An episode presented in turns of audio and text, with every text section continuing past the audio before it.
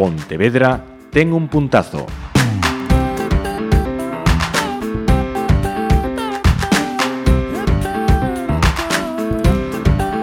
Pontevedra ten un puntazo. É un proxecto que ven de mando o Concello de Pontevedra e para falar do mesmo neste primeiro programa temos a Concelleira de Promoción Económica, Anabel Gulías. Benvida e bo ano eh, 2017. Moi bo ano a todos e a todas e grazas. Eh, Anabel, contanos, eh, cando e por que xurde este proxecto Pontevedra ten un puntazo? A ver, en Pontevedra ten un puntazo, é un proxecto que nos puxemos nome, pero eu creo que realmente xa existía o proxecto. O único que fixemos dentro do Concello foi visibilizalo, dotalo dunha estructura e de medios para que puidese desenvolverse correctamente. Eh, mm, nos vimos comprobando e tamén o dicían os compañeiros que, que estaban xa no, no goberno municipal que tiñamos en Pontevedra unha serie de mm, empresas ou unha rede empresarial formada por diferentes organizacións, tanto empresariais, algunhas aso asociacións e demais, que estaban facendo que a cidade tivese unha vida mm, diferente ou que tivese todo ese movimento do que em, normalmente nos falamos, non? Refírome aos compañeros e compañeiras do, do goberno municipal. Cando nos decatamos que eran as empresas que estaban facendo e que estaban traballando no eido da creatividade, o que decidimos é buscar un programa que lle dera soporte. E explícome, nós creemos que o máis importante do, do puntazo é, por unha banda, poñer en contacto todas estas empresas para que souberan un das outras uh -huh. e en, un, en algúns encontros con algunha delas xa non lo dicían, non? Que necesitaban poñerse en contacto porque descoñecíanse unhas ás outras e por outra banda necesitábamos visibilizalas, porque eu creo que tamén é un elemento que nos axuda aos pontevedreses e as pontevedresas primeiro a ver modelos de negocio alternativos, modelos de negocio que funcionan e por outra parte no, colocámolas no mapa, non? E tamén uh -huh. nos fan sentir orgullosos, non ter empresas pois que están traballando a nivel internacional sen sair de Pontevedra, pois nos dá tamén outra perspectiva, non? Cando se fala de sector económico, non sei por qué a maior parte de nós pensamos en polígono industrial, sí. non en ese tipo de de mm, de, de productividade, eh. uh -huh. cando realmente estas empresas están lle dando moito retorno á cidade e moita vida á cidade. Uh -huh. Sí, porque eh, estamos a falar eh, de pequenas eh, empresas, eh, de, de comercios, pero como, como acabas de, de sinalar, en, en casos empresas que están a, a traballar no oído internacional eh, mm. e que posiblemente hai moitos pontevedreses que non temos esa, esa perspectiva, no? creemos que é algo que está na cidade que queda na cidade. Eh. A, a min foi das cousas que máis me, me sorprendeu do puntazo cando empezamos a... Ainda unha experiencia moi cativa, posto que levamos un ano, pero cando empezamos a fixarnos na rede de empresas que estaban eh, xa anotadas, que estaban traballando, por certo, canto máis eh, grandes e máis internalización eh, internacionalización, perdón, teñen máis humildes son no traballo Ajá. e máis se axudan coas outras empresas, coas pequenas empresas, que é outra dos, dos puntos do puntazo, non favorecer esas sinerxias, pero eu non podía imaginar a cantidade de, de empresas que tiñamos na nosa cidade que xa teñen un camiño andado nesto da interna, na, na internacionalización, non? Pois mira, venme a cabeza, dende editoriais que son moi coñecidas como Calandraca, non, que están operando uh -huh. no Estado español, en Europa e demais. Mm, comentaba tamén o caso de Saraiva, que é unha empresa de Ajá. servicios sociais que foi premio a innovación social en do ESADE, se non me, se non me equivoco. E temos empresas como Cubitia, non que despois dun periplo internacional siguen traballando dende Pontevedra e se adican ao software para a bolsa non e cuestións eh, tan, tan relevantes como estas. Temos eh, Xeométrica, non que é unha empresa que está eh, reinventando a, a, o cuidado do patrimonio e, e todo es, e, e o deseño de roteiros e demais. É dicir, son empresas que non se che pasa pola cabeza que poidan ter esta trayectoria, uh -huh. coñecidísimo se falamos de trayectoria IFAS da Terra, ou todo este tipo uh -huh. de empresas que realmente son de Pontevedra, acreditan na cidade e se quedan aquí, que para min é moi importante, posto que se si se quedan aquí xeneran aquí riqueza, vale? Uh -huh. Entonces é moi importante dentro do Concello que temos un... Eh, marco competencial moi estreito, visibilizar e que estas empresas sigan producindo emprego, pero tamén dinamismo comercial. Non? Uh -huh. Nos apostamos sempre pola economía local e creo que eh, é a aposta que fai o puntazo. Uh -huh. E en estes programas eh, iremos contando pues, eh, con todas estas empresas para visibilizarlas, como, como ben eh, dis.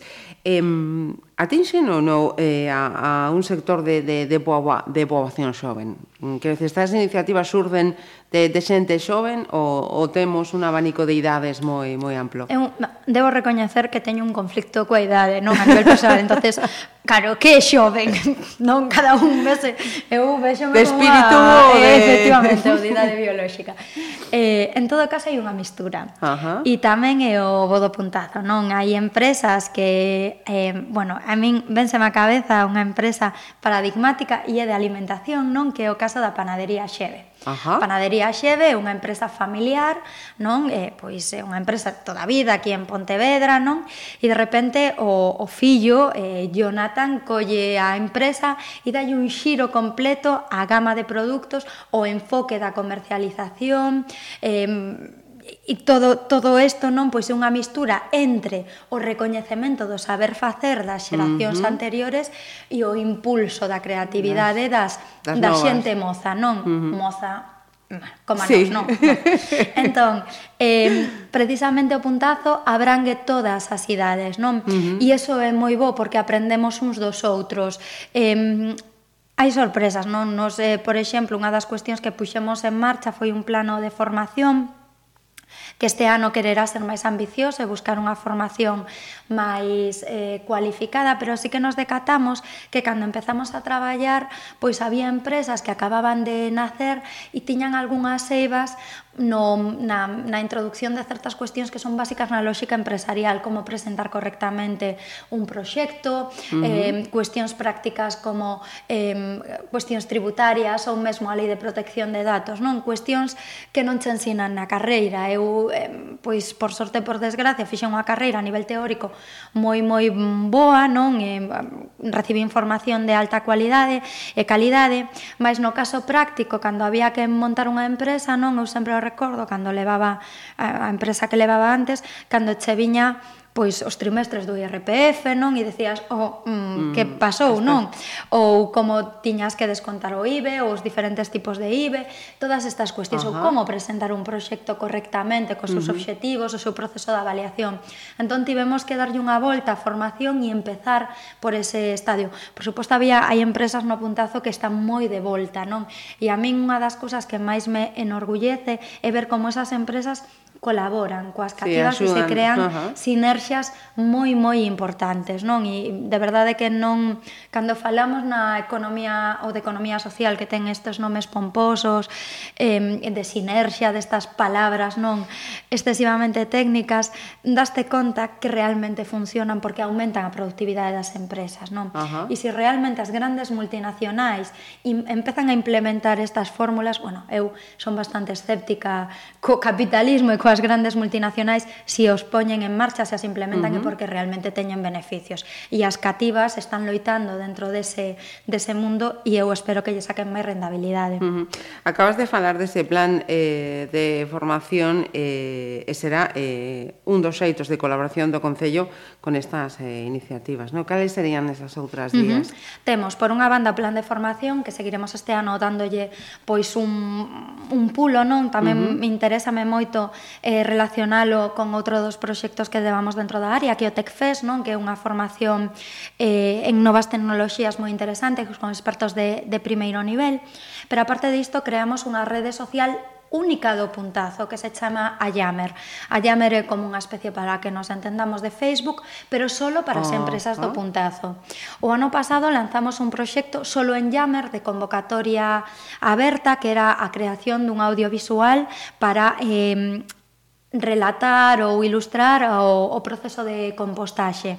As empresas do Puntazo presentaron as súas candidaturas, nos primábamos precisamente esas colaboracións entre empresas e eh, pois eh, están xa os concelleiros Ouviña e Carme da Silva traballando coa empresa gañadora do Puntazo, non?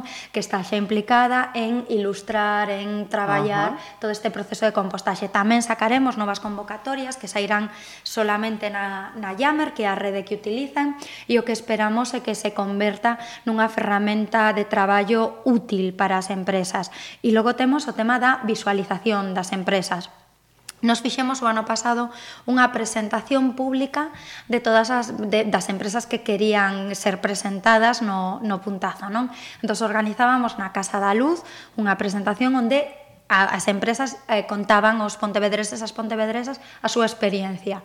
Isto uh -huh. Iniciámolo coas, coas noites do fracaso, nos Curiosamente, empezamos ao revés, non? Primeiro contamos as historias dos fracasos de algunhas das, das empresas que hoxe teñen un nome, como se equivocaron con esa vontade uh -huh. de, de aprender e eh, continuará co, ou continuou coa presentación pois xa de, de modelo de negocio. Uh -huh. E non é que me queira enrollar, pero eh, na, na cabeza teño máis ou menos a estructura da, da área. Todo isto vai vinculado a dous eventos moi importantes na cidade.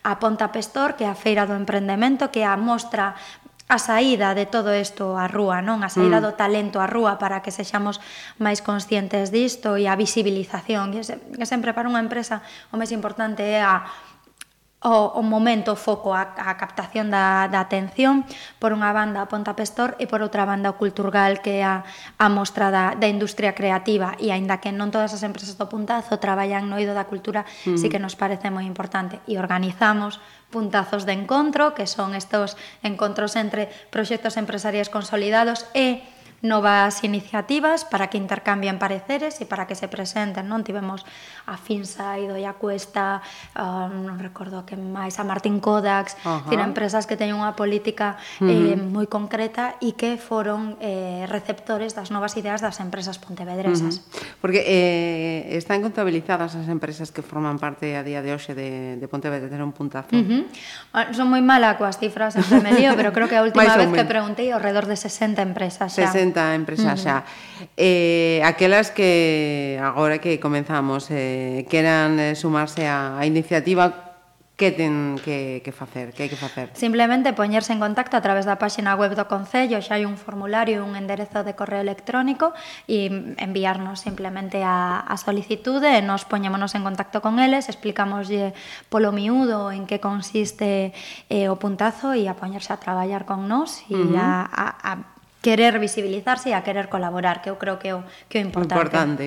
Pois, eh, Anabel, hoxe o punto de partida, de partida perdón, o comezo deste Pontevedra ten un puntazo en Pontevedra Viva Radio. A vindeira semana, pois, eh, comezamos a coñecer estas empresas. O gallá, o gallá que se xan moitas e que teñamos que facer moitos. Graciñas. a vos.